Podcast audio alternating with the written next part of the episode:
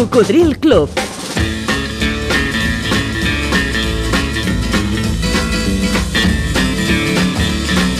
La banda sonora de la teva vida.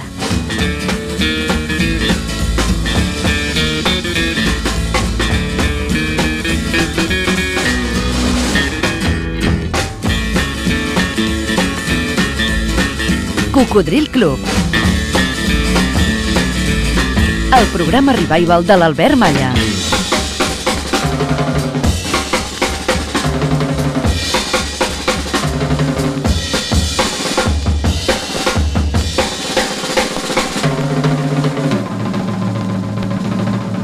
Què tal, Coco? Gràcies per tornar a la ràdio. Irene Vallejo, a El Futuro Recordado, deia Ser joven no es lo mejor. Lo mejor es pensar años después en cuando éramos jóvenes. D'això en sabem una mica, els cocos. Portem en antena des del llunyà octubre del 1993 compartint emocions, compartint i recuperant il·lusions i moltes cançons, escollides entre tots. Bon dia, Albert. Soc el Lluís de Castellà del Vallès. Mira, m'agradaria sentir una cançó que em sembla que no he escoltat mai en el teu programa, que es diu 96 làgrimes i de, el, el, l'intèrpret és Question Mark and the Mysterians.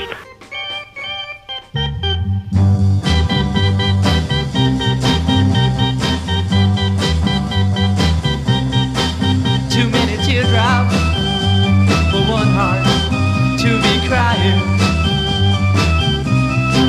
Too many teardrops for one heart to carry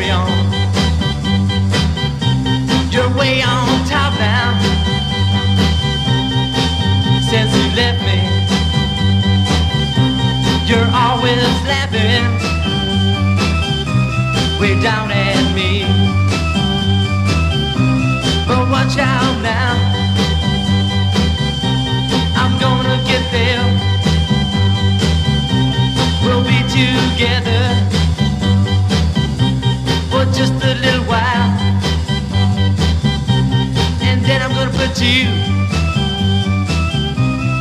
way down here. And you'll start crying. 96 tears.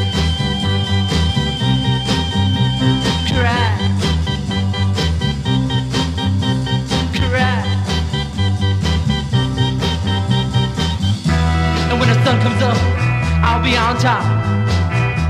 You be right down there, looking up. And I might wave, come up here, but I don't see you waving now. I'm way down here, wondering how I'm gonna get you but I know now I'll just cry, cry, I'll just cry. Too many teardrops one heart to be crying. Too many teardrops for one heart to carry on. You're gonna cry 96 tears. You're gonna cry 96 tears. You're gonna cry, cry, cry, cry now. You're gonna cry, cry, cry, cry 96 tears. Come on, let me hear you cry now. 96 tears. Woo! I wanna hear you cry night and day. Yeah, all night long. 96 tears. Cry, cry, cry. Come on, baby, let me hear you cry now.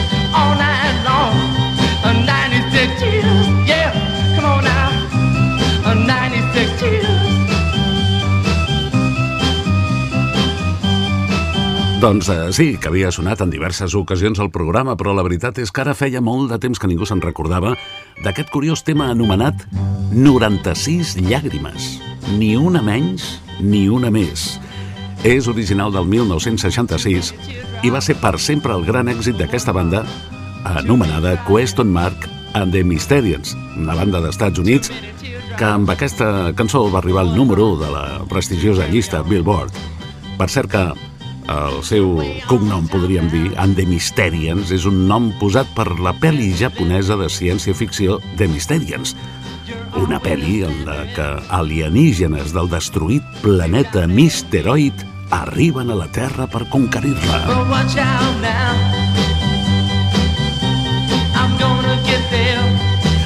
Psicodèlia pura, eh, Cocos? We'll Records de tota una història. for just a. Gràcies per compartir-la des de la teva vella amiga, des de la ràdio. Escoltes Cocodril Club. El programa revival de l'Albert Malla. A través de 100 emissores, arreu de Catalunya, Andorra i les Illes Balears en diferents dies i horaris. Mitjançant la freqüència modulada, però també en molts casos en simultani per al canal de ràdio de la tele. No perdis la sintonia. Ah, i si aquí al club t'hi trobes a gust, digue-ho als teus amics. I participa. T'has parat a pensar alguna vegada quin és el tema instrumental, absolutament instrumental, que consideres el més bo, el que més t'ha agradat? Si ho tens clar, m'envies un e-mail que estarem encantats de compartir eh, la teva elecció. El correu me l'envies aquí a cocodrilclub arroba gmail.com cocodrilclub, tot junt, arroba gmail.com com ha fet des de Tarragona l'amic Manel, que ens diu en el seu correu em dic Manuel de Solà i visc a Tarragona. A vegades escolto el vostre programa a través de Tarragona Ràdio els dissabtes a la tarda. Mm, per l'espai instrumental m'agraden Caballo Negro de Manolo Sanlúcar o Europa de Santana. Vaig tenir la sort de poder anar a França als anys 68 i 69 i aprofitar per comprar discos que aquí sols se, se sentien a les discoteques. Va ser l'època bona dels eh, Otis Redding, Bee Gees, el Rhythm and Blues... Moltes gràcies per aquest programa que fas. És agradable recordar cançons oblidades dins la memòria. Una abraçada a Manel. Doncs una altra per tu i gràcies per recordar Manolo Sanlúcar. I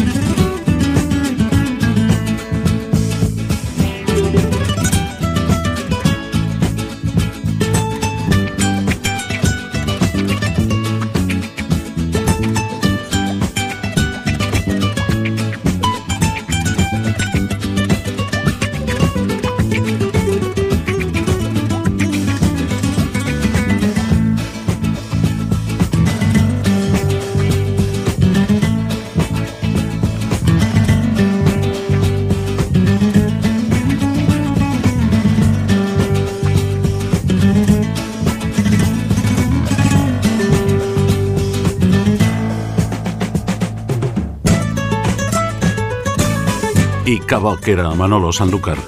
Nascut a Sanlúcar de Barrameda el 1943, marxava el 2022. Aquest Caballo Negro, que per l'amic Manel de Tarragona és el seu tema instrumental preferit, es va publicar el 1974. Però permeteu-me que també recordi un dels primers discos que vaig presentar en directe quan ja era professional de la ràdio. Un que ell va publicar el 1980 que m'agradava molt i encara m'agrada i que es diu. Candela.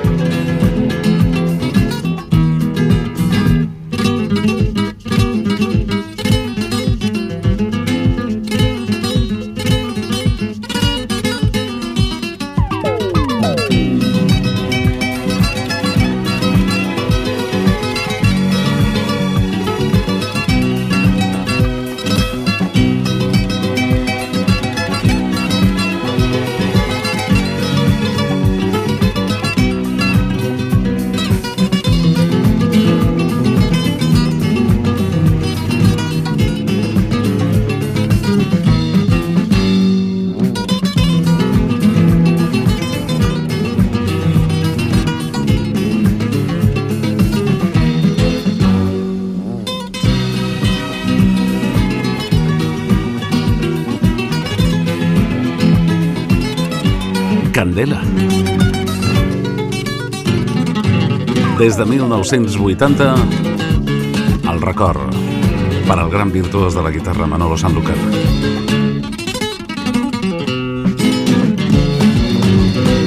Música amb bon gust, música de qualitat. És la teva, és la meva, és la dels cocos, és la música del Cocodril Club. T'acompanya l'Albert Malla.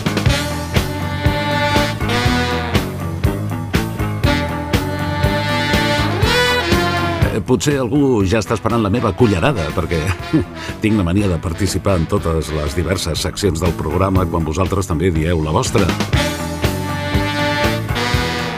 Bueno, en aquesta secció dels instrumentals et recordo que m'agradaria saber quin és el tema instrumental de qualsevol època que més t'ha agradat i que m'ho diguis a través de correu electrònic a cocodrilclub, tot junt, cocodrilclub arroba gmail.com M'agradaria comprovar que l'escoltar el tema que ara sonarà Sento vibracions semblants, no crec que siguin les mateixes, però semblants a quan el 1979 em van encarregar realitzar un programa despertador de 4 hores, de 6 a 10, a Ràdio Espanya de Barcelona, que també es deia Ràdio Reloj, i Cadena Catalana, una emissora de moltíssima audiència que en molts moments va ser la de més audiència a Catalunya, la número 1. Bueno, jo llavors aquell 79 portava dos anys com a professional a Ràdio Terrassa i Ràdio Club 25, on ho vaig aprendre quasi tot. Però amb 21 anys que jo tenia, dirigir i presentar 4 hores diàries a una emissora que s'escoltava a tot Catalunya, que tenia una mitjana de 300.000 oients, era una gran responsabilitat i alhora una gran il·lusió. Ja us podeu fer el càrrec. Uns dies després, vaig anar a Perpinyà per comprar discos instrumentals no editats a Espanya per utilitzar de sintonies. Això era més difícil d'aquesta manera que, que algú de la competència, per exemple, copiés les sintonies que identificaven el teu programa doncs, per un altre programa o, o fins i tot per falques publicitàries, no? El programa tenia diverses seccions i cada una va tenir la seva sintonia d'importació, podríem dir, eh? de França. Però aquesta, mm, per exemple, era la d'un espai en el seu moment atrevit, que es va dir Libro de Reclamaciones, on segurament per inconsciència, per, per aquella joventut dels meus 21 anys, doncs no se'm va acudir una altra cosa cobrir telèfons perquè la gent es queixés del que li donés la gana, sense cap filtre, sense demanar dades, i, bueno, i els meus disgustos em va costar, evidentment. I el director em va dir, escolta, el programa té molta audiència, aquesta secció del llibre de reclamacions agrada molt, enganxa molt, però millor que la gent participi per correu, eh? que t'escrivi una carta, evidentment era correu postal, llavors no existien els ordinadors, ni els correus electrònics, ni aquestes coses. I així, doncs, segons el que digui la carta, doncs, podem tatxar alguna frase o podem fins i tot deixar d'emetre aquella carta. En fi, exercir censura, que sempre ha existit, eh? i ara potser més que els anys 80. Bueno, però aquesta, aquesta era la sintonia, per exemple, eh, de l'espai del llibre de reclamaciones.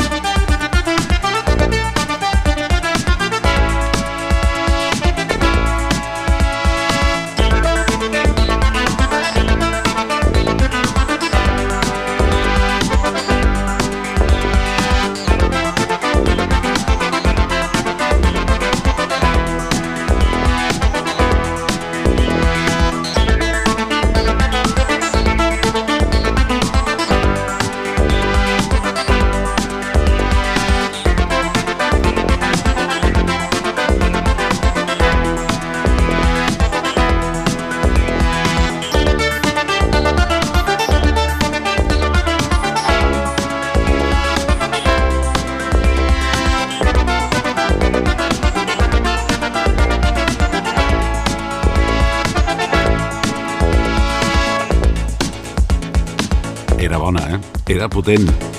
I per si t'interessa, era de Droid i es deia Automat Machine.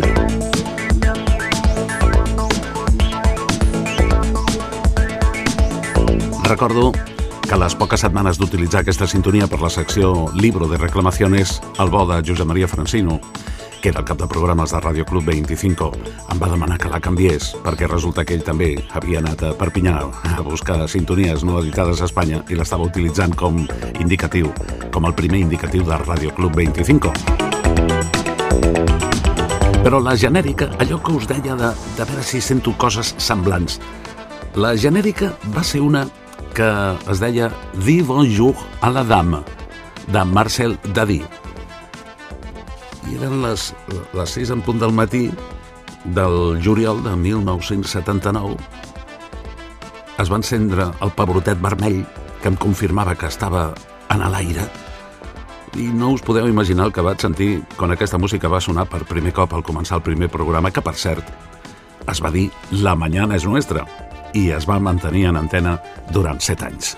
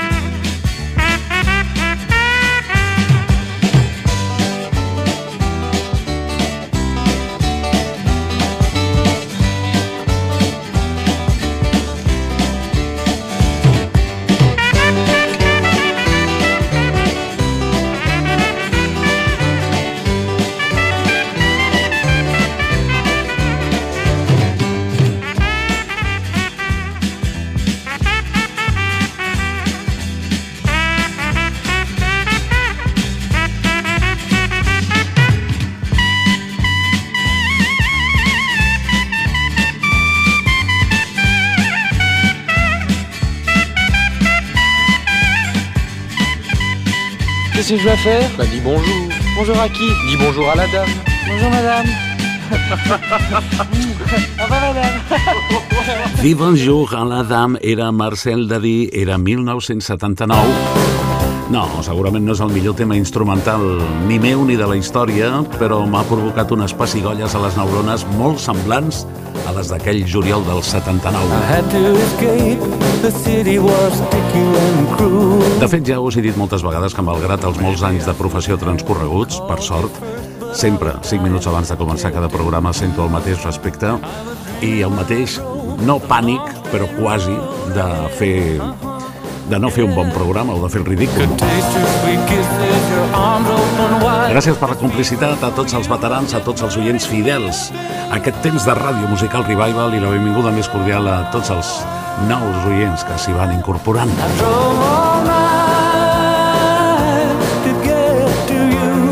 Això és Cocodril Club, el programa revival de l'Albert Malla.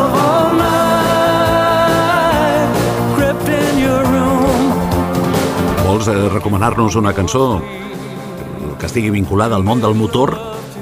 Cotxes, motos, autobusos, autocars, trens, vaixells, tramvies, estacions, aeroports, metro, taxi, avions, carreteres, autopistes... Oh, atenció, a mi no se m'havia acudit, però per això esteu vosaltres, per ajudar-me a fer el programa. Mm, no, però és veritat, no se m'havia acudit que un ascensor també està vinculat al món del motor, no? Això és el que m'ha dit el seu correu Ramon Puig Cístero, enviat aquí a cocodrilclub.gmail.com mm, en el que ens diu Benvolgut Albert, em dic Ramon, t'escric des de Guisona, la Sagarra. Aquí tens molts seguidors i m'agradaria participar al teu programa a l'apartat del motor i proposar-te dues cançons. La primera, l'ascensor de Luz Casal i la segona... Bueno, la segona la comentem després. Ara, escoltem, aquesta cançó va sonar quan vaig entrevistar Luz Casal per eh, celebrar els 29 anys en antena, no, els 28. Els 29, el padrí, diguem, del programa va ser Leslie del Cidex. Els 28 programes, els 28 anys de programa, va ser la Luz Casal i la vaig posar perquè va ser el seu primer single editat per fonograma el 1980 quan ella era una autèntica desconeguda, però era una mena de reggae que no estava gens malament.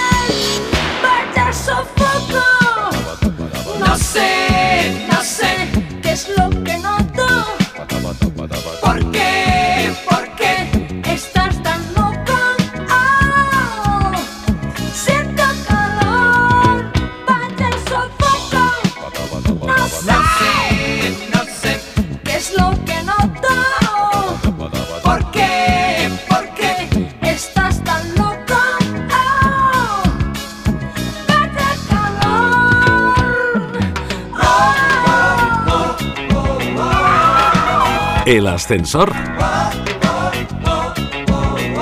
Doncs sí, una cançó vinculada al món del motor, tens raó. Ramon, salutacions, Guissona. Me n'alegro d'això que em dius, que tenim molts seguidors a la Sagarra, eh? La segona, curiosament, la punxo sovint a les meves sessions de DJ, però no se m'havia acudit posar-la com a cullerada meva a la secció de motor. I és molt bona, sí, sí. De Billy Ocean, Get Out of My Dreams, Get Into My Car, que havia dit, nena, surt dels meus somnis i entra al meu cotxe, que donarem una volteta.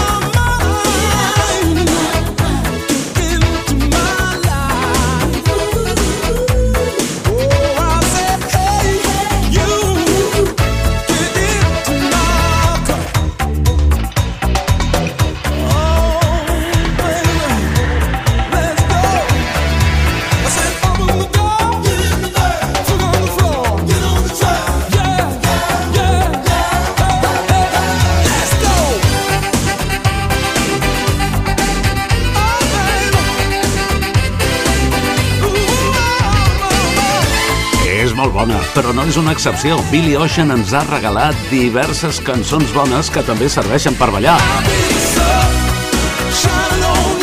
Recorda que l'última secció, al final de la segona hora de programa, és els més ballats de la història i també m'agradaria que hi participessis proposant-nos una cançó de les moltes que t'han fet ballar, doncs almenys una, aquí, per correu electrònic a cocodrilclub arroba gmail.com Get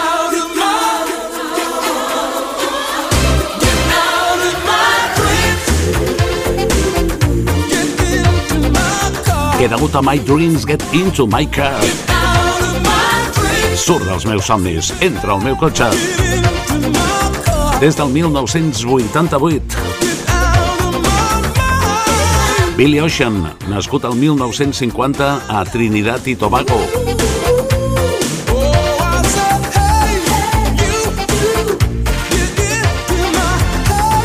als anys 80 ens va fer ballar molt, van sonar diverses de les seves cançons molt i va rebre un premi Grammy per la millor actuació Rhythm and Blues vocal masculina. I la meva cullerada d'avui a l'espai del motor està agafat amb pinces, però és que és tan bona que tinc moltes ganes de tornar-la a compartir amb vosaltres. El Don't Stop de Fleetwood Mac de 1977. Diu, no t'aturis, obre els ulls i mira el dia. No t'aturis, pensant en demà. Serà millor que abans tot el que vull és veure't i somriure. Mira, el mateix que li dic jo a la Montse.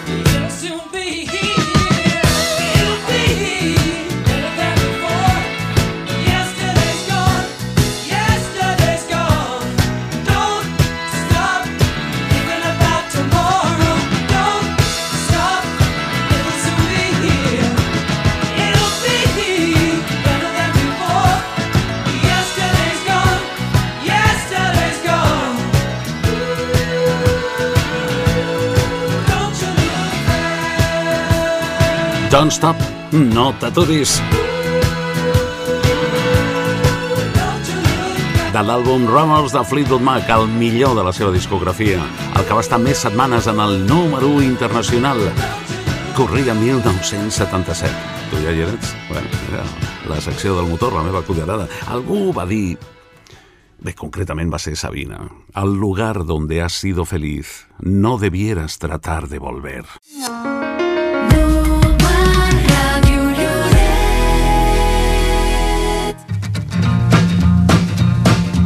Això és Cocodril Club. El programa revival de l'Albert Malla.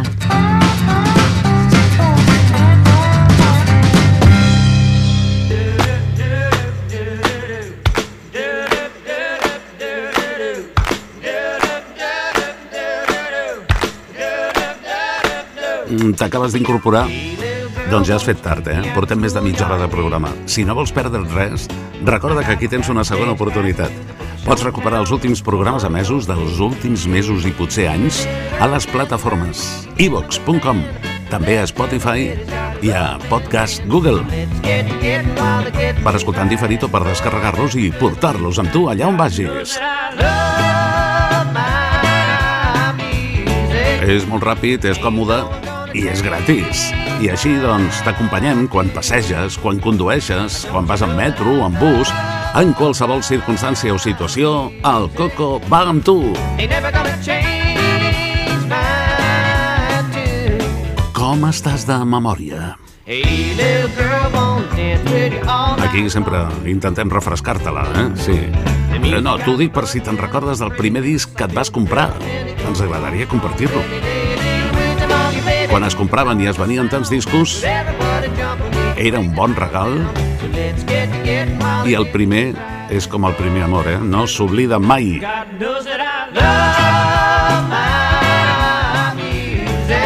Digue-m'ho per correu electrònic a cocodrilclub arroba gmail.com com ens ha fet eh, Salvador Subirats, que en el seu correu diu Bon dia, Albert. Et torno a felicitar per al programa, doncs jo et torno a donar les gràcies.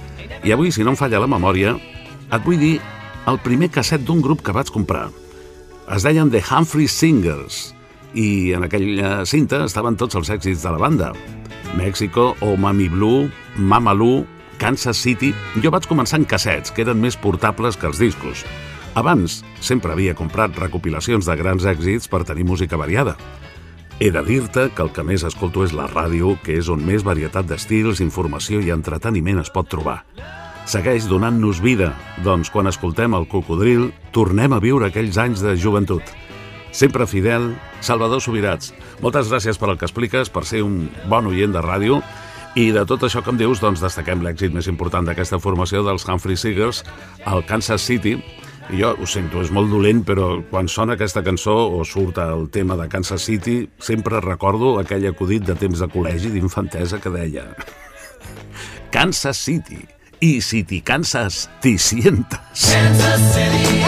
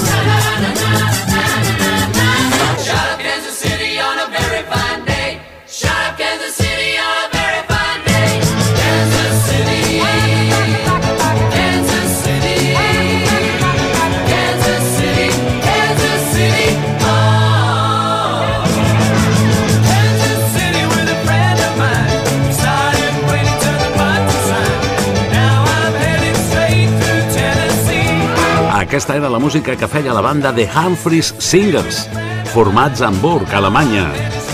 Eren un fotimer. Tenien un gran número de cantants i de diversos orígens ètnics. Hey ho, up, Kansas City on a very day. Hey ho, up, Kansas City on a very day. Podríem eh, posar-los en aquella ona del moviment hippie. Cert, queden hippies? Em sembla que a Eivissa encara en queda algun, eh? Els Humphrey Singers van arribar a Eurovisió el 1976. Però aquest Kansas City era de dos anys abans, del 74. Recordes el primer disc que et vas comprar? Si va ser en format de CD o de casset, també també val, eh, per aquesta secció. Digue-m'ho per correu electrònic a cocodrilclub.gmail.com També ho ha fet la Txell de Barcelona, que ens diu Hola, crec que el meu primer casset va ser aquell doble que es deia Monstruo. Ah, sí, aquelles recopilacions, Monstruo 1, Monstruo 2... Sí, sí, sí, recordo, perquè a més, eh, clar, anaven farcits de temes que s'havien de promocionar i ens els enviaven a la ràdio, sí. Diu, la Txell, els Reis em van portar un radiocasset amb uns auriculars taronges. Em passava hores escoltant-lo, rebobinant les cintes i escrivint les cançons. I les rebobinaves amb el motor o amb el boli Vic. Eh? Anava molt bé per això. Eh? Diu, tinc una capsa plena de cassets, però aquests no els trobo i no sé si ara m'agradaria cap de les seves cançons. És una bona reflexió. Hi ha cançons que amb el temps envelleixen, però no per tothom, potser només per nosaltres. I aquelles que ens havien agradat tant ara ens resulten pesadotes. I al contrari, eh? Cançons que quan érem molt jovenets dèiem quin rotllo, ara, ara ens encanten. Sí. Diu la Txell, el que sí recordo és la Janet amb Soy Rebelde. Recordo escoltar-la molt al radiocasset del cotxe dels pares. Mentre els meus pensaments volaven cap a algun amor o desamor adolescent. Que tinguis un molt bon dia, Albert Txell, de Barcelona. Doncs mira, anem a recuperar un fragment de quan vam entrevistar a la Janet, bona amiga, que hem compartit molta ràdio i molts escenaris també, quan precisament li preguntàvem les seves tres cançons especials. La primera, per ordre cronològic, va destacar Cállate niña, i després... Ja me imagino cuál será la segunda, ¿eh? De tus tres. Bueno, la sí, la segunda tiene que ser Soy Rebelde, porque ahí ya dejo a Picnic y empiezo mi carrera en solitario. Y tengo una anécdota muy, muy graciosa con esta canción, porque yo no la, no la quería grabar. ¿Tú no la querías Porque- grabar? ¿Por qué? No, que va, tuve un problema ahí con la casa discográfica porque, claro, yo estaba haciendo un tipo de música con el grupo Picnic y, claro, me enseñan esa canción y digo, uy, pues esto no tiene nada que ver conmigo, esto es una cosa diferente, yo no quiero grabar esto, esto no, no, no es lo mío. Y estuvimos como tres semanas, ah, me acuerdo que estaba en Barcelona con, ay, no me acuerdo cómo se llama, Pedro, era de, de, de la casa de Hispavox. Pedro Vidal Ñanco, representante sí. de, de Hispavox en Barcelona. Y estaba yo todo el día ahí peleando y gritando y diciendo, ay, por favor, no, que me cambien la canción, que me pongan otra cosa. Bueno, al final dije, bueno, venga, me meto en el estudio, grabo la canción, la verdad que me dije yo al final, digo, bueno, no está mal, está bien. lo que nunca pensé es que iba a ser un número uno. O sea, eso no, no me lo imaginaba. Y mira, ahí ha llegado.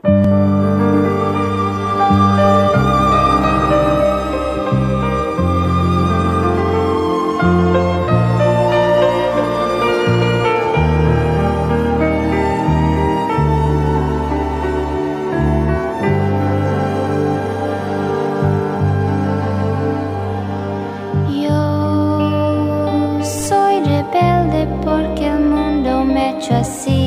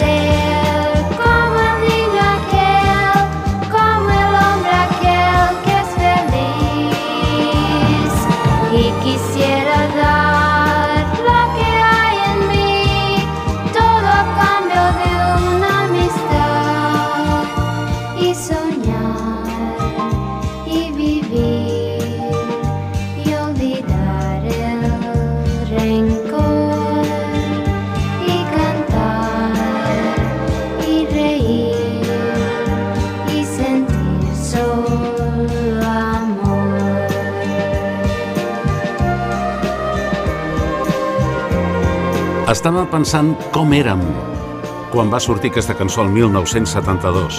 Moltíssima gent jove la va agafar com un himne per la rebel·lia i com que estava quasi tot prohibit i estàvem en plena època franquista, curiosament, els censors alguna cosa deurien captar perquè la cançó la van deixar passar, però la Janeta ens va dir que quan Franco estava agonitzant li van prohibir que la cantés en directe als seus concerts. Bueno, sabeu que llavors totes les cançons que s'havien d'interpretar en directe havien de passar censura prèvia.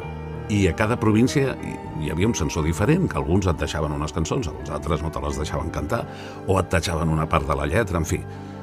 Quin país, eh? Yo soy rebelde porque el mundo me hecho así, porque nadie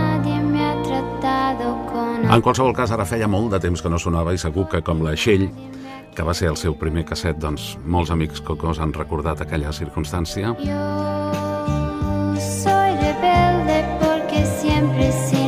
Bueno, i amb la meva cullerada d'avui, primer escoltarem això una mica, per situar el tema. No és el meu primer disc, que ja ha sonat moltes vegades, però sí que m'agrada posar en aquest espai un dels meus primers discos. Sugar. Oh, honey, honey, Però no, no, és, no és el Sugar Sugar, eh? Encara és més difícil de recordar. Jo no sé si algú recordarà un senyor que es deia Ron Dante. Ron Dante, o Daint, no sé. Doncs era un dels components dels Archies. Era el cantant principal dels Archies, els de Sugar Sugar. Això a la vida real, perquè, és clar, la banda Archies era una banda fictícia de dibuixos animats. No sé per què. Jo no sé per què vaig comprar un disco d'aquest tio en solitari.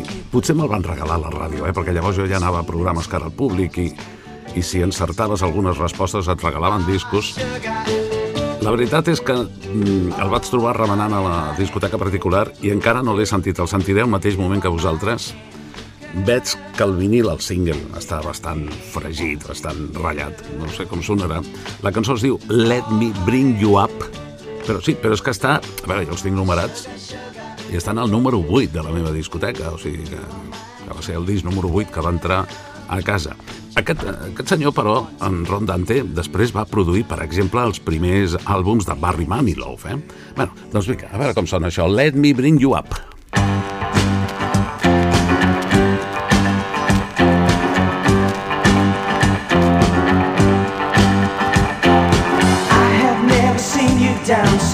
Out touch and turned around. Oh, baby, won't you let me bring you up?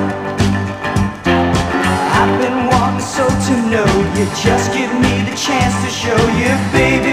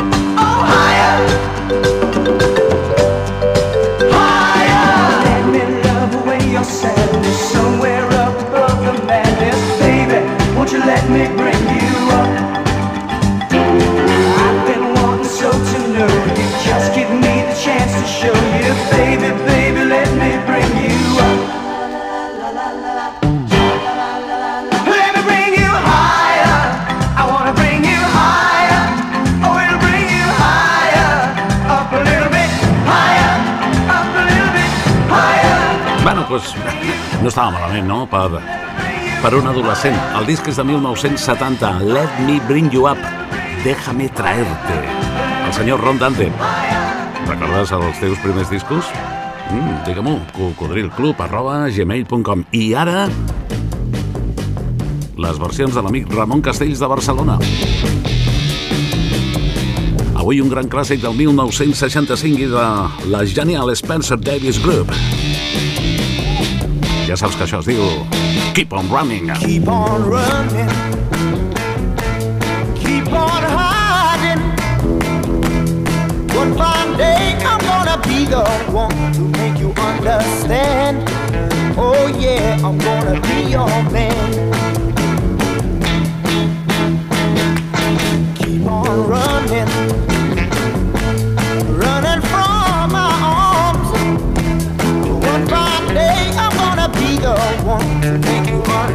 Understand. Oh yeah, I'm gonna be your man. Everyone is talking about me. It makes me feel so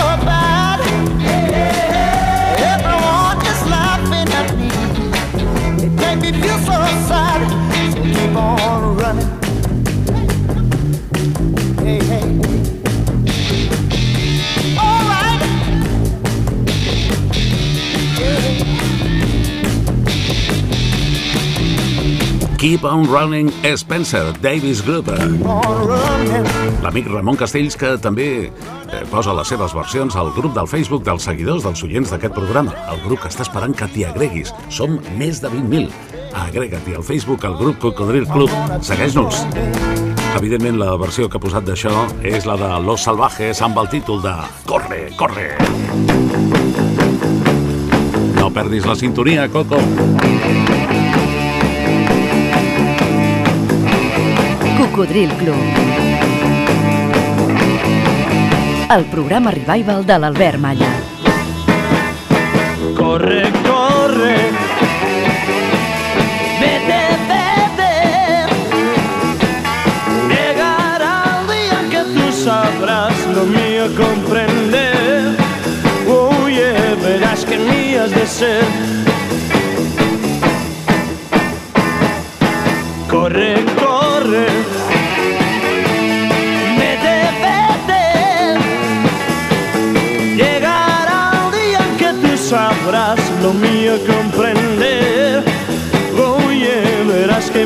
Que mías de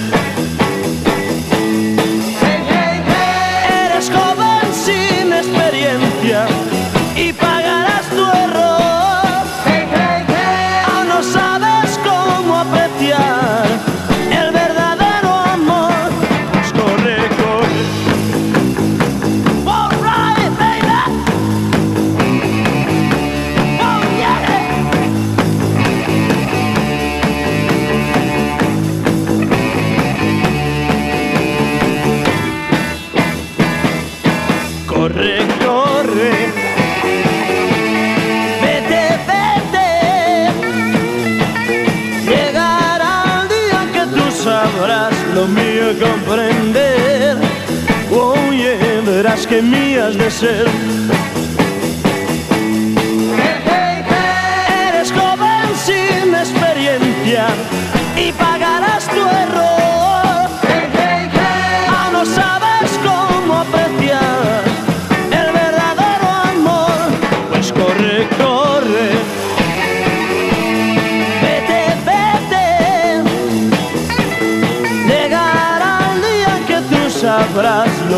comprender.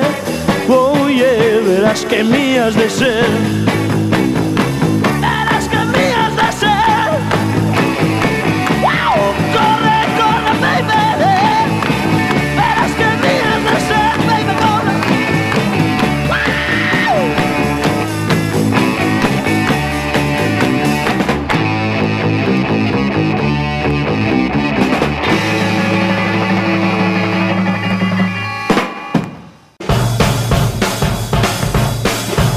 Cocodril Club. 29 anys en antena.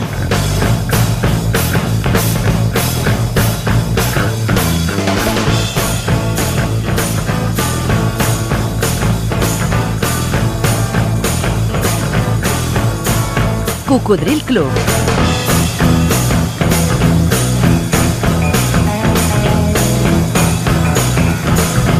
El programa revival de l'Albert Malla.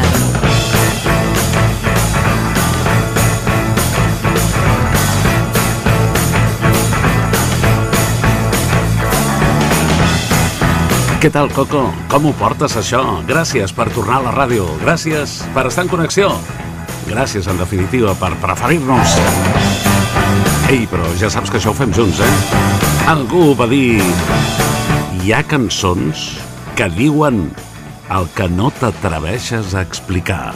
Hola Albert, soy María. Me gustaría que me pusieras, me gustaría que me quisieras, de Lobo. When I saw you standing there, about fell out my chair. And when you moved your mouth to speak, felt the blood go to my feet. Now it took time for me to know what you tried so not to show.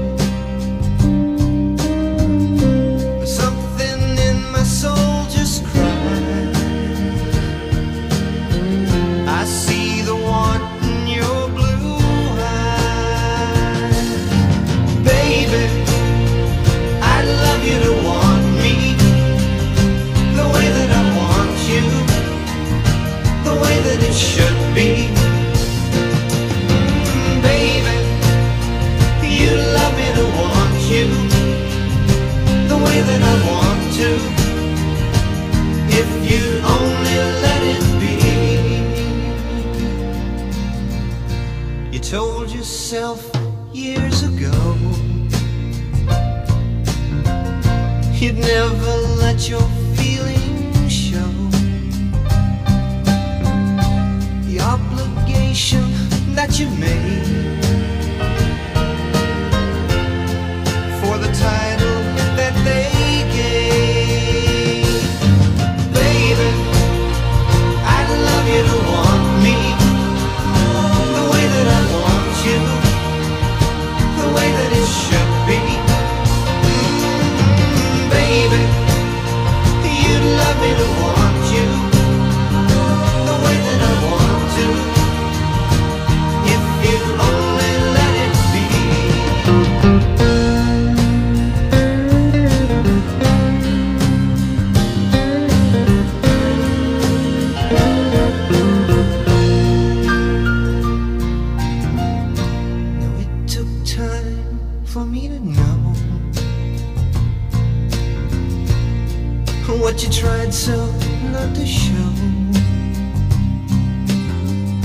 something in my soul just cried.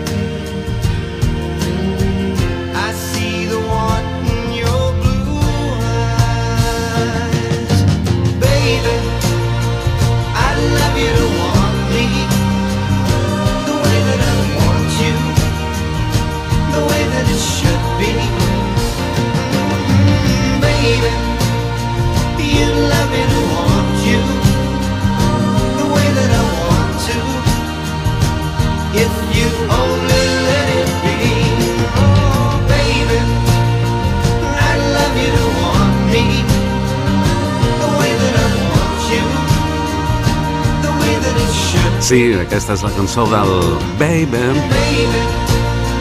I love you to want me, que aquí es va dir Me gustaría que me quisieras, i que està considerada una de les balades preferides de tots els temps per vosaltres, per als cocodrils. Original de 1972, que aquí es va dir Me gustaría que me quisieras, i del senyor Philippe Lavoie, que treballava amb el nom artístic de Lobo. És una d'aquelles balades que s'ha d'escoltar de tant en tant, només de tant en tant, per no gastar-la, eh? Jo diria que mínim cada 3 anys, o potser cada 5, eh? I és possible que si ho fas tornis a sentir coses semblants a quan la vas escoltar per primera vegada. Això que està entrant, no sé si ho has sentit, és una versió techno que la Future Wall Orchestra als anys 80 va fer sobre el tema central de la banda sonora original de la pel·lícula E.T., el extraterrestre.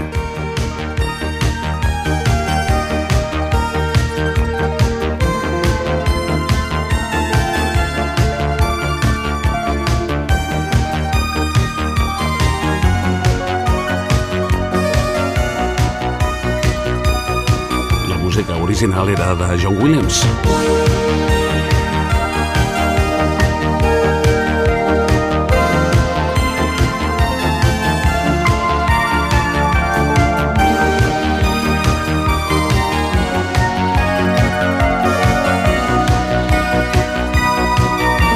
I la pel·lícula que durant molts anys va ser la més taquillera de la història, desbancant, per exemple, a Lo que el viento se llevó, és un dels grans èxits i n'ha tingut diversos del senyor Steven Spielberg.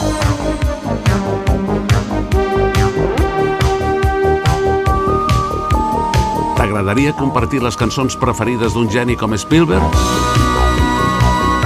Doncs prepara-t'hi!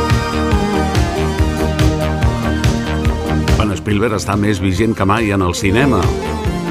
Recentment s'ha estrenat el film The Fablemans, que té molts aspectes autobiogràfics, i això ha fet que durant la seva promoció, doncs, mm, ell també hagi bussejat entre els seus records més antics en una entrevista per la BBC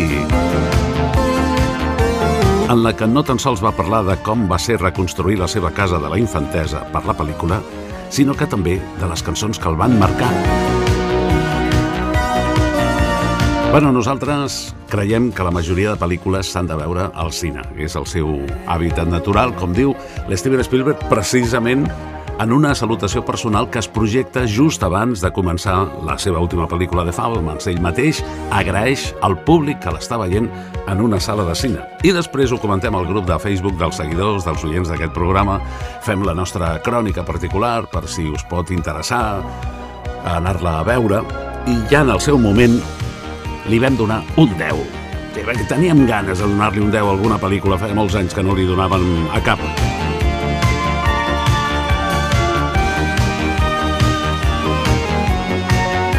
De Fabelman, alguns han dit, home, llàstima que és una mica llarga, però altres han dit, a mi se'm va fer curta.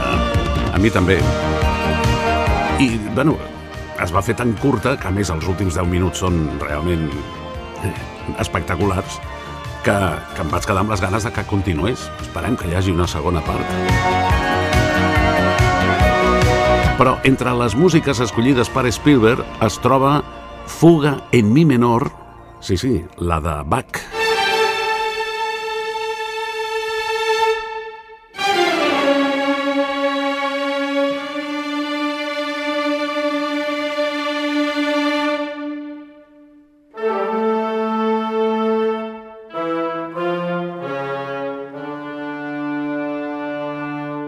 Diu Spielberg que aquesta peça musical era la que identificava el seu pare per tota la família, perquè cada vegada que arribava a casa del treball i aparcava el seu cotxe al carrer, baixava del cotxe i caminava fins a la casa xiulant-la, que és un altre dels hàbits que hem perdut. Eh? La gent ja no canta pels celoberts de les cases, ni quan es dutxa, ni quan baixa l'escala, però tampoc xiula. Abans hi havia més música a tot arreu. Bueno, ara hi ha més música a l'abast que mai, tecnològicament, però no, no és el mateix. Entre les preferides de Spielberg, un clàssic dels Beatles, inclòs en el seu àlbum Rubber Soul, un clàssic que Spielberg relaciona directament amb una de les seves primeres històries d'amor, Michelle. Michelle,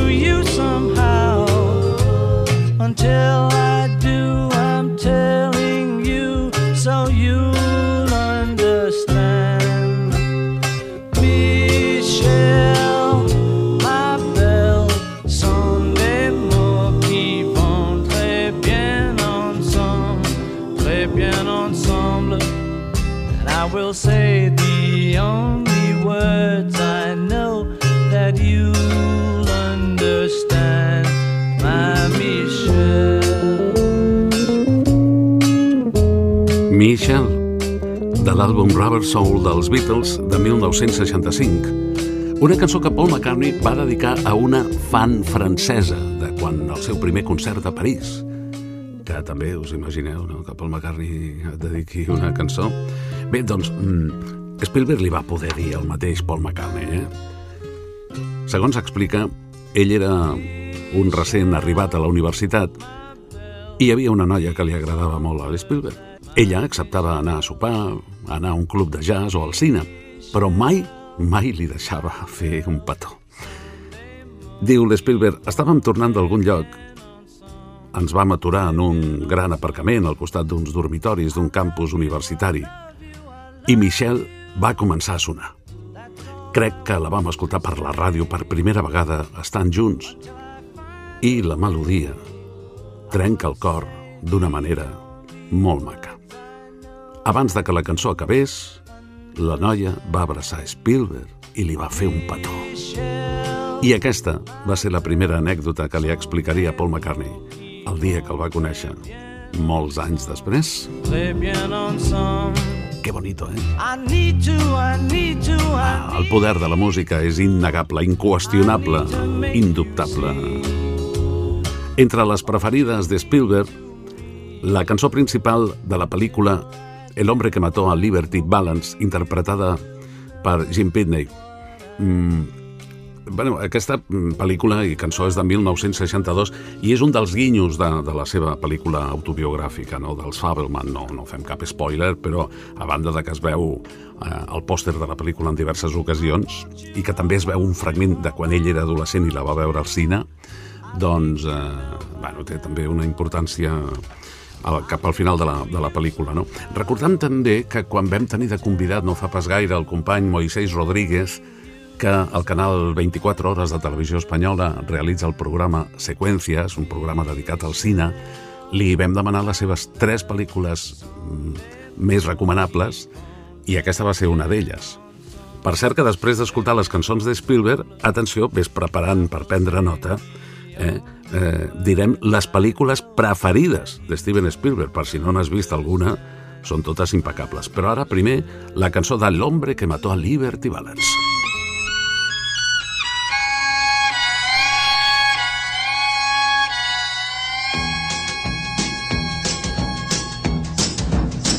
When Liberty Valance rode to town, the women folk would hide.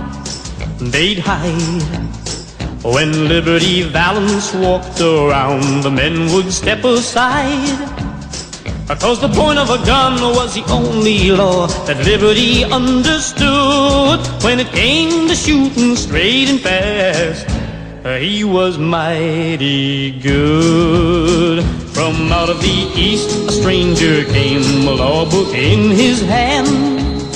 Oh man, the kind of a man the West would need to tame a troubled land. Cause the point of a gun was the only law that liberty understood. When it came to shooting straight and fast, he was mighty good. Many a man would face his gun, and many a man would fall. The man who shot Liberty Valance, he shot Liberty Valance. The bravest of them all.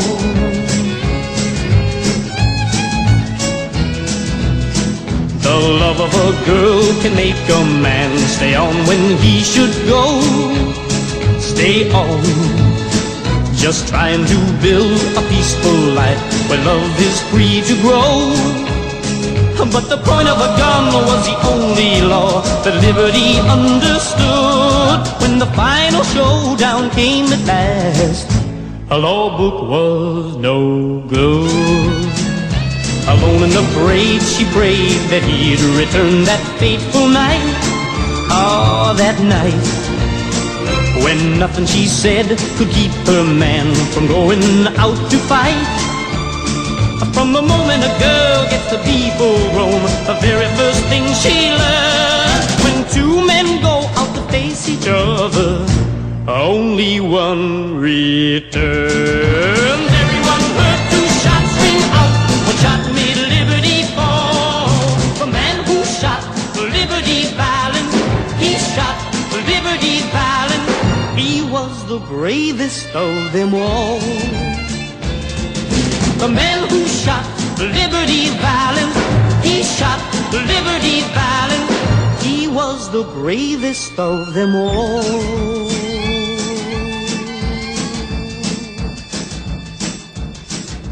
The Man Who Shot Liberty Balance, el hombre que mató a Liberty Balance, cançó principal de la banda sonora original del gran clàssic de John Ford de 1962, interpretat per Jim Pitney, un dels primers rockers de la història que havia nascut a Connecticut el 1940 i que se'n va anar a l'altra dimensió el 2006.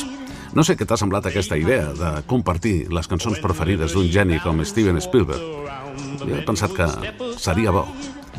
Clar, seria millor si el tinguéssim aquí en directe. Però almenys hem pogut escoltar l'entrevista que li van fer a la BBC i extreure aquestes cançons per vosaltres.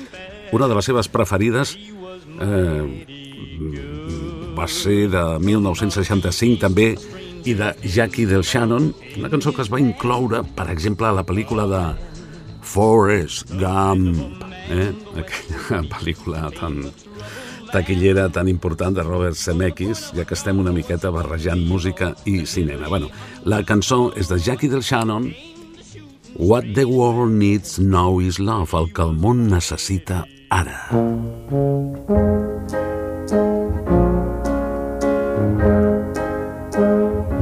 What the world needs now is love, sweet love. It's the only thing that there's just too little of. What the world needs now is love, sweet love. No, not just for some, but for everyone.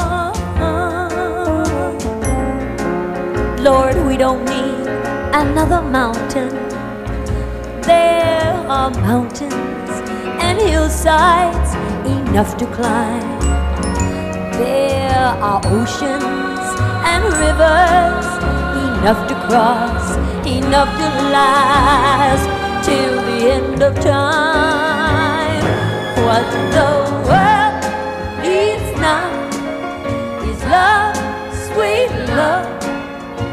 It's the only thing that there's just too little of. What the world needs now is love, sweet love. No, not just for some, but for everyone. Lord, we don't need another meadow. There are cornfields enough to grow. There are sunbeams and moonbeams enough to shine. Oh, listen, Lord, if you want to know.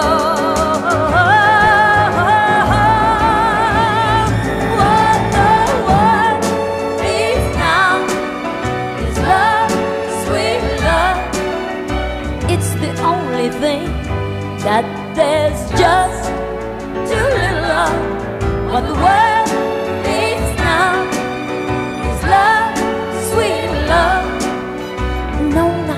for some, Oh, but just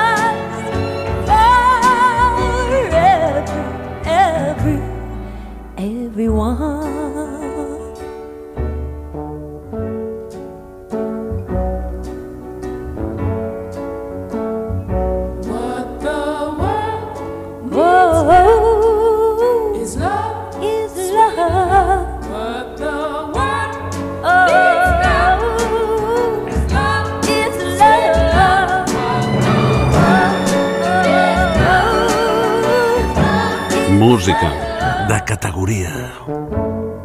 Música amb bon gust.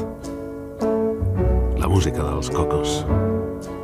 La música de Steven Spielberg en aquesta estona de programa. What the World Needs Now is Love, el que el món necessita ara, de Jackie del Shannon. La cançó és del 65. Ella havia nascut al 41 als Estats Units i va ser una de les primeres dones en el món del rock and roll. Jackie del Shannon. Escoltes Cocodril Club. El programa revival de l'Albert Malla. a través de 100 emissores arreu de Catalunya, Andorra i les Balears.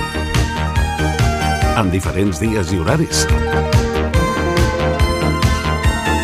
Algunes d'elles també en simultani per la tele, per al canal de ràdio de la TDT. No, no ens veus, però així és millor. Així pots imaginar-t'ho tot. La ràdio continua sent el mitjà que més estimula la teva imaginació. I l'únic que et permet fer qualsevol cosa mentre la segueixes, mentre l'escoltes. Ja va passar fa algunes setmanes, però nosaltres encara seguim celebrant el Dia Mundial de la Ràdio, tenint com a convidats a companys fantàstics com avui, que entrevistarem a Gema Majades, que us en recordeu molt sovint d'ella i que em pregunteu què fa, si se la pot escoltar a algun lloc. Bueno, després parlarem amb ella i, i compartirem la seva cançó més especial. Continua la màgia de la ràdio, eh, sens dubte. L'altre dia vaig rebre un missatge des de Mèxic de la Raquel Camacho Lagunez, que està a Mèxic, però ens escolta a través de Ràdio Llançà, que és una de les emissores que emet el nostre programa. Hi ha una plataforma que molts deu conèixer que es diu Radio Garden que et permet escoltar pràcticament totes les emissores del món en directe. O gairebé totes, eh? moltes, milers. I la Raquel em diu, un plaer escoltar-te a través de Ràdio Llançà per la plataforma Radio Garden. Et vaig descobrir el novembre i ja no em perdo mai el teu programa des de Mèxic. Tinc 48 anys i és impressionant. Tot i créixer en països diferents, els records no són gaire diferents. Estic aprenent català fa 4 mesos. És la raó per la qual busco escoltar música i programes en català. Salutacions des de Mèxic de Raquel Camacho Lagunez. Doncs gràcies. I tots aquells que ens escolteu des de lluny, ens agradaria molt que ens ho féssiu saber a través de correu electrònic aquí a cocodrilclub Entre les preferides de Spielberg va destacar un Sinatra, per favor. Eh? Come Fly With Me, que bueno, va ser un premi Grammy a la millor interpretació de 1958. Vine i vola amb mi, que va ser escrita per ell mateix, per Frank Sinatra, dedicada als aviadors de la Segona Guerra Mundial.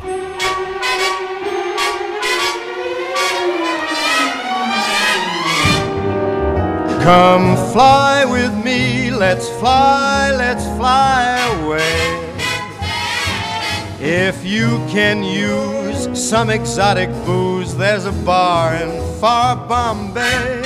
Come fly with me, let's fly, let's fly away. Come fly with me, let's float down to Peru. In Llama Land, there's a one man band, and he'll toot his flute for you. Come fly with me, let's take off in the blue. Once I get you up there where the air is rarefied, we'll just slide starry eyed. Once I get you up there, I'll be holding you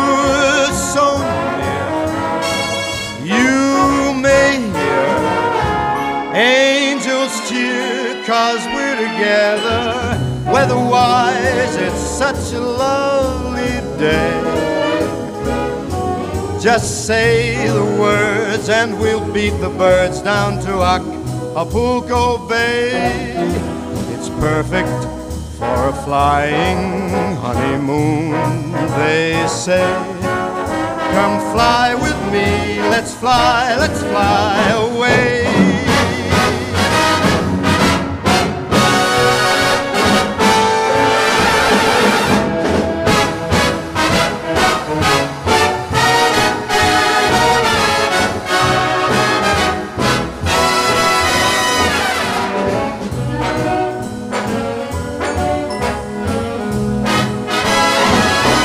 Once I get you up there where the air is rarefied,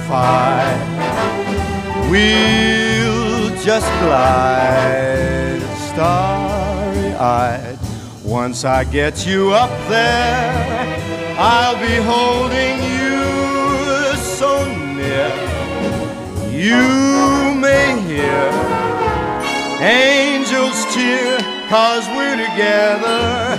Weather-wise, it's such a lovely day. You just say the words and we'll beat the birds down to Acapulco Bay. It's perfect for a flying honeymoon, they say. Come fly with me, let's fly, let's fly. Up, let's fly away.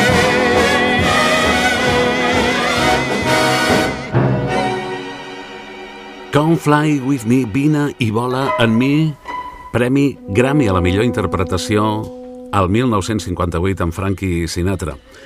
Estem compartint les cançons preferides de Steven Spielberg i, com us hem promès abans, si voleu prendre nota, també us direm les seves pel·lícules preferides mentre sona una de les músiques que ell va escollir, el Somewhere, escrita per Leonard Bernstein i Stephen Sondheim, una peça de la banda sonora de West Side Story.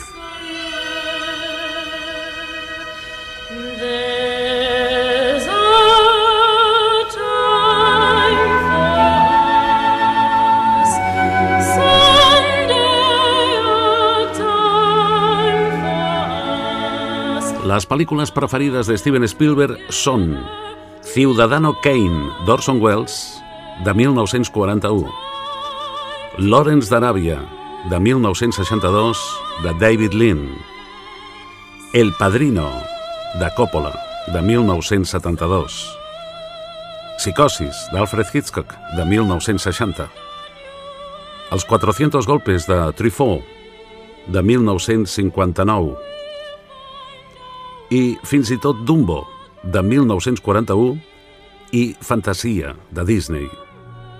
També entre les pel·lis preferides del Gianni Spielberg, Los siete samuráis de Kira Kurosawa, de 1954, Qué bello es vivir, de Frank Capra, de 1942, 2001, Una odissea en el espacio, de Kubrick, Ah, i una de la que podríem escoltar la, la cançó. Sí, Tutsi, de 1982, de Sidney Pollack, que és aquella pel·lícula és boníssima, amb el Dusty Hoffman, que per aconseguir feina en el món de, del cinema i del teatre s'ha de vestir de dona, perquè com a home no, no, no li donen feina.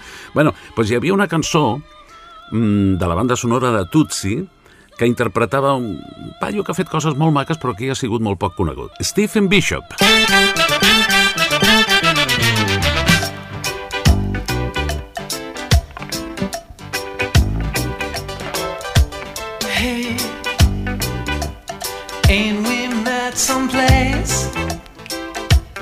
What a face, whoever you are.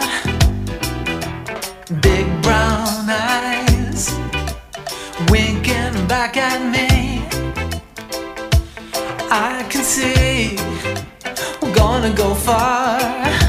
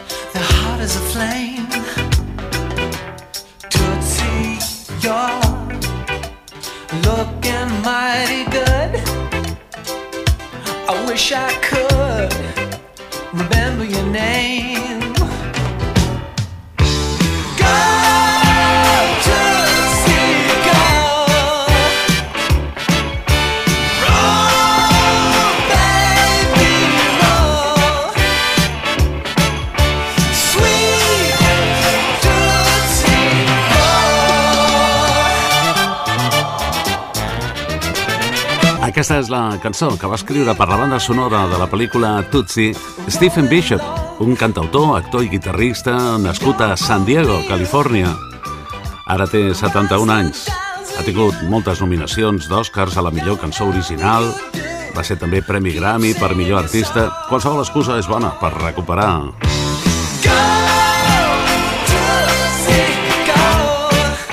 En aquest cas és una de les pel·lis preferides de Steven Spielberg del que hem compartit les seves cançons, començant per la fuga en mi menor de Bach, que li recorda com la xiulava el seu pare cada vegada des del cotxe fins a que arribava a casa, la Michelle dels Beatles, que li recorda aquell primer petó d'adolescència, aquell primer amor, Després, la cançó de El hombre que mató a Liberty Balance, de John Ford, una de les seves pel·lis preferides i referents, també Jackie del Shannon, Frank Sinatra i, finalment, a Spielberg li agrada molt una cançó de Bruce Springsteen, però no dels inicis, ja de 1995, The Ghost of Tom Joad.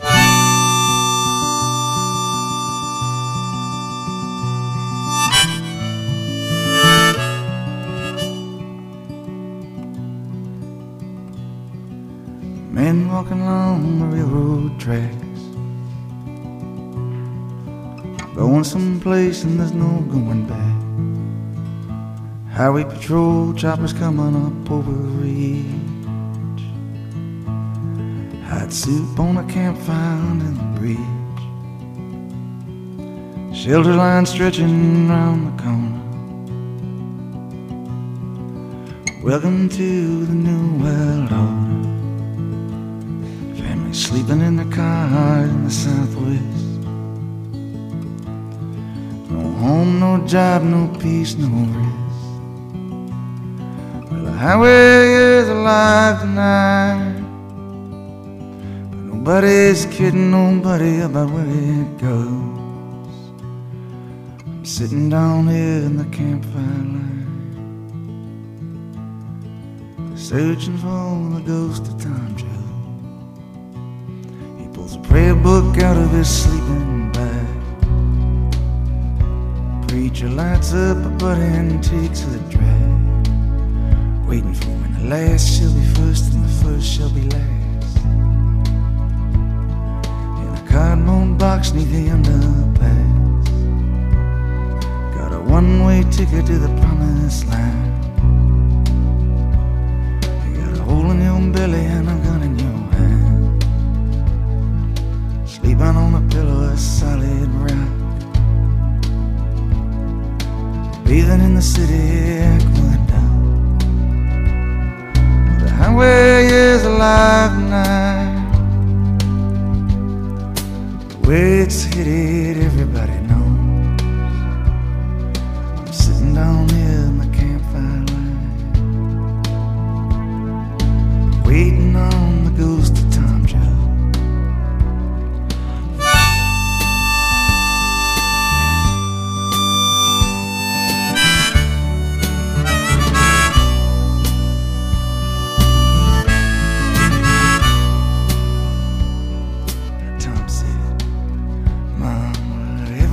cop beating a guy,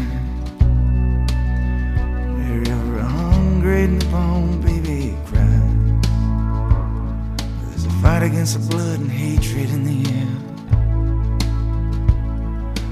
Look for me, Mom, I'll be there. Where there's somebody fighting for a place to stand. A decent job or a helping somebody struggling to be free. Look in the eyes, mom, you'll see me. The highway is alive tonight. But nobody's kidding nobody about where it goes. I'm sitting down here in the campfire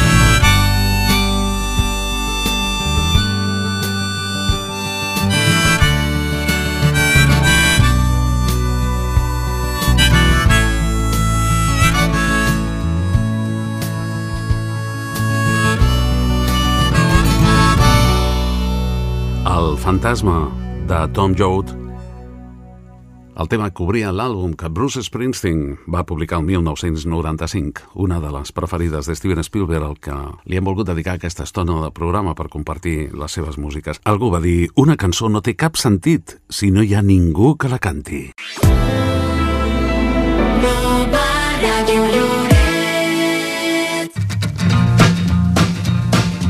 Això és Cocodril Club.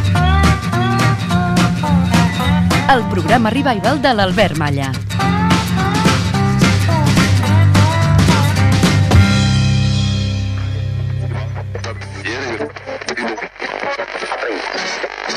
Conecto el interruptor, muevo el dial de la radio. Busco la emisora que cada noche suelo poner. Cierro los ojos, parece que estoy allí dentro. Bé, de tant en tant, com que ens consta que cada setmana s'incorporen nous oients al programa, us recordem que si us agrada la ràdio i sobretot si us agradava la ràdio d'abans, teniu a la vostra disposició una col·lecció de 128 programes especials anomenats Una vida de ràdio, allotjats a la plataforma ivox.com. És gratuïta la seva descàrrega, evidentment, i són de 80 minuts cada un, és a dir, que us poden acompanyar durant molt de temps. És la ràdio que he escoltat i és el so original de la ràdio que he fet. També amb gafapos, eh? Sí, sí, una vida de ràdio. Per exemple, avui recuperem dos clàssics del senyor Fraga i d'Ibarne. El primer el vaig protagonitzar al costat de la meva companya Maitri Borau, al novembre de 1982, quan pràcticament ens va penjar el telèfon, perquè es veu que ens estàvem passant de temps. Vamos a escuchar otra de las preguntas de los oyentes. la última, yo me voy en este momento. Bien, pues vamos a escuchar entonces Eh, la yo le última. preguntaría, si él hubiera ganado las elecciones, ¿qué, sería lo primero que hubiera hecho en España? Bueno, lo primero que hubiera hecho es restablecer la verdad, decirla todos los días, no este silencio ominoso que pasa hoy sobre España, de personas que al parecer no saben lo que quieren hacer, y por supuesto, que se notase inmediatamente en un par de medidas serias contra el terrorismo y un par de medidas económicas que empieza una nueva etapa. Ahora mismo seguimos en las tinieblas. Hay muchas más preguntas para usted, señor Fraga, pero el tiempo nos Lamento, impide. esto no era lo pactado. Buenos días, adiós. Buenos dies, adiós, i ens va, ens va penjar. Era el novembre de 1982. Hi ha un altre també. molt, molt divertit, escolteu. Después ha hablado de la crisis económica, crisis de relaciones sociales, crisis de legitimidad, crisis de seguridad, de derecho. ¿Nos podía un poco resumir todo esto? Bueno, yo he dado una conferencia y usted es el que la tiene que resumir, para eso está usted aquí. Yo lo que puedo hacer es repetirla. Molt bo, molt bo. Res, només una petita mostra dels milers de talls d'àudio originals que pots trobar a Una vida de ràdio. 128 capítols a la teva disposició, a ivox.com. Si ho poses directament al Google també et sortiran. I a més hi ha moltes emissores que l'emeten en directe. Cierro los ojos, parece que estoy allí dentro. Perquè la ràdio és vida i la vida és ràdio. I amics del Cocodril Club, avui està amb nosaltres una convidada molt especial. Gemma Bajadas, què tal? Hola, què tal, com anem? Quants anys? Ningú em recorda ja, Albert. Et recorda moltíssima gent i per això t'he convidat a estar al programa, perquè contínuament no han deixat mai de recordar-se'n de tu i em pregunten a mi, perquè saben que vam treballar junts i com està Gemma i què hace i què tal. Què fas, Gemma? Doncs estic en una empresa de locutors, però no de ràdio. Locutors internacionals que fan tot tipus de vídeos audiovisuals. Des de... Ara estem en un curs d'espanyol, per la UOC, fem de tot. Però d'alguna manera continues comunicant Sí. i continues utilitzant la veu com a eina de treball, eh? I tinc molt bona orella dels 30 anys que vaig treballar a la ràdio, sí. 30 anys de ràdio, fent tot tipus de ràdio, musical, però també un tipus de ràdio als anys 90 a les tardes molt atrevida. Jo t'escoltava i pensava com té el valor de fer el que fa amb la unitat mòbil pels carrers. Era molt divertit, era molt creatiu. La veritat és que em vaig divertir moltíssim, ho vaig passar molt bé. Era arriscat, com, com bé has dit, perquè jo treballava a l'escenari normal del carrer, no? però com que el carrer és de tots, vull dir, també em sentia protegida pels, pels oients, els taxistes, totes les persones que ens comunicaven doncs, pistes de gent que estàvem buscant o que volíem entrevistar, o temes... M'ho passava molt bé, era molt divertit, la veritat. Podries recordar alguna anècdota que t'hagi passat treballant en qualsevol època, Gemma? No sé dir-te, hi ha tantes... Perquè jo tenia com obsessions, no?, de coses que volia aconseguir i que no sempre aconseguia, o que trigava anys de- d'aconseguir. Mm. Per exemple, els mirons a la platja. Jo sempre, per, per al ser dona, els mirons deien no, no, no, no. Llavors vaig tenir que fer tota una sèrie d'estratègies amb companys masculins que comentaven, vaya melonar, o alguna cosa així, per enxampar Que bo. els mirons de la platja, per exemple. No? Això amb ciutadans, amb, amb la gent normal del carrer, que sempre ha estat molt agraïda, molt, eh, sempre estic molt agraïda. Després sempre també, també tenia l'obsessió de gent que abandona els gossos. Mm. Sempre ho volíem, cada estiu les gosseres de Barcelona ens avisaven mira que hi ha una onada d'abandonaments perquè la gent se va de vacances i no sé què. I sempre havia volgut entrevistar algú que abandonés el gos i, i ho vaig aconseguir. I ho vas aconseguir, ho eh? vaig aconseguir. I això I va servir simplement era també- indiferència. I això també va servir per conscienciar altres que no ho fessin. Clar, simplement quan parlaves amb les persones doncs les importava molt més la seva vida que la vida d'un animal. I això sap greu, no? I per això els abandonaven a la gossera. Parlem de coses més agradables. Sí, Deixa'ns sí. una cançó que hagi resultat especial a la teva vida. Moltes. Tu n'has presentat moltíssimes, Moltes, i de molt bones. Moltes. M'encantava la música, com sonava aquí a la FM, mmm, com sona el Cocodril Club, no, no tornaran a sonar segurament, no? ni per Spotify o les plataformes que hi ha ara. Però no és el mateix. No és el mateix, no és el mateix. Quan ens posaven els auriculars i llançàvem el disc, com es feia abans, perquè eren discos. Eren vinils. Eren vinils, senyores i senyors, amb aquells, amb aquells plats, que nosaltres els dèiem plats, els tocadiscos. Eh, per exemple, per exemple, Street Life. Ah, És dels Crusaders. Cançó... Sí, m'encantava aquella cançó, perquè jo em sentia volar. Té molta categoria. Perquè, a més, és la vida que a mi m'agrada, la vida al carrer. La vida al I és on carrer. trobava tota la meva font d'inspiració, totes les persones que jo coneixia, que indagava, que feia enquestes a l'atzar al sortir del metro. Street Life. Reivindico Street Life perquè em sentia bé amb aquella cançó. I per tu també són bons records de ràdio, eh? Bons Life, records eh? de ràdio, moltes nits, moltes matinades que jo posava aquella cançó, que durava molt i que et permetia anar al lavabo, Sí. d'alguna manera, fer una mica de break, buscar aigua, etc etc i que a la vegada segurament els oients estaven ballant a casa seva, no? Perquè recordem els més joves oients que llavors no hi havia ordinadors i que si havies de fer alguna cosa urgent, com anar al lavabo, l'única solució era un disc que, que fos llarg, sí. però patint com a condemnats de que no saltés o no es ratllés. perquè llavors els discos feien crac, crac, crac, crac, crac.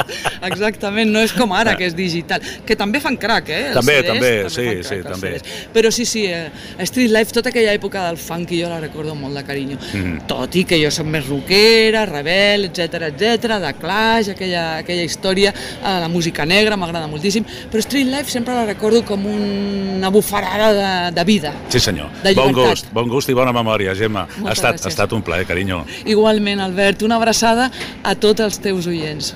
Moltes gràcies.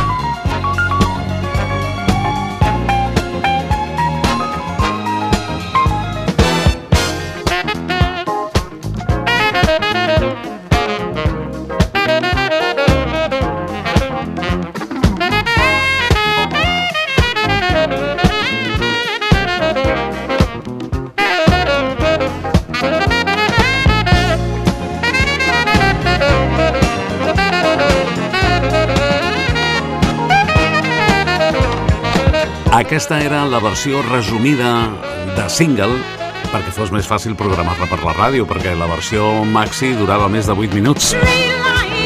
Street Life eren els Crusaders, un grup de jazz, fusió i funk dels Estats Units.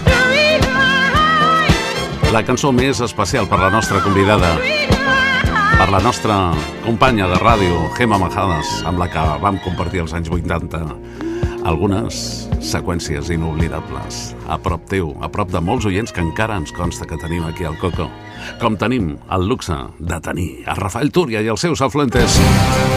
La compañía de actores El Turia y sus afluentes presenta El Turia y sus afluentes. Cordiales saludos, señor Maya.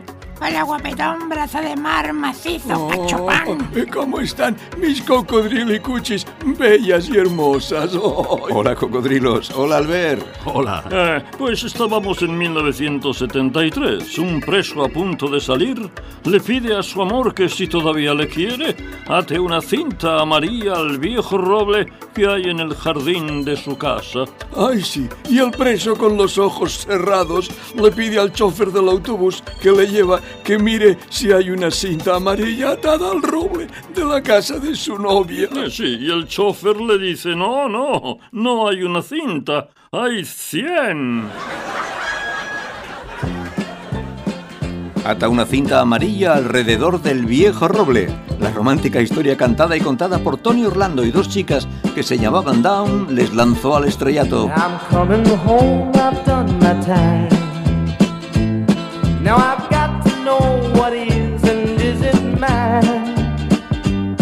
I'm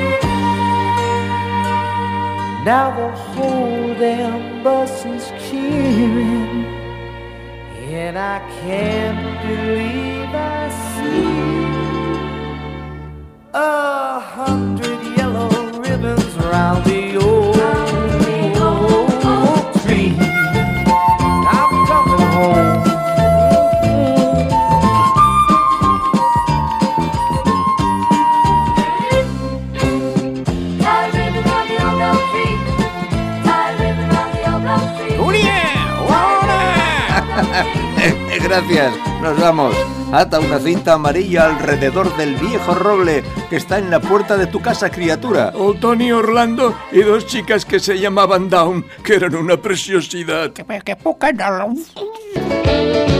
Y la próxima semana volveremos otra vez. Gràcies, Rafael Túria. Hey, Mr. DJ, where are you? Doncs, com sempre, marxem ballant. Digue'm una cançó que t'hagi fet ballar i digue-m'ho per correu electrònic aquí a cocodrilclub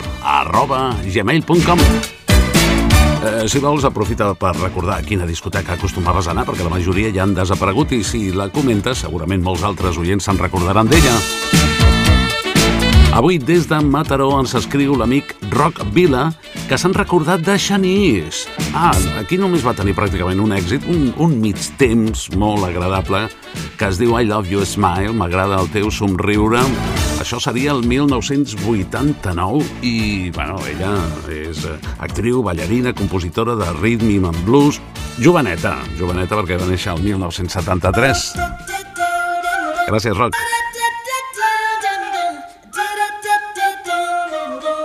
Procura ser feliç. Cocodril. Cocodril Club.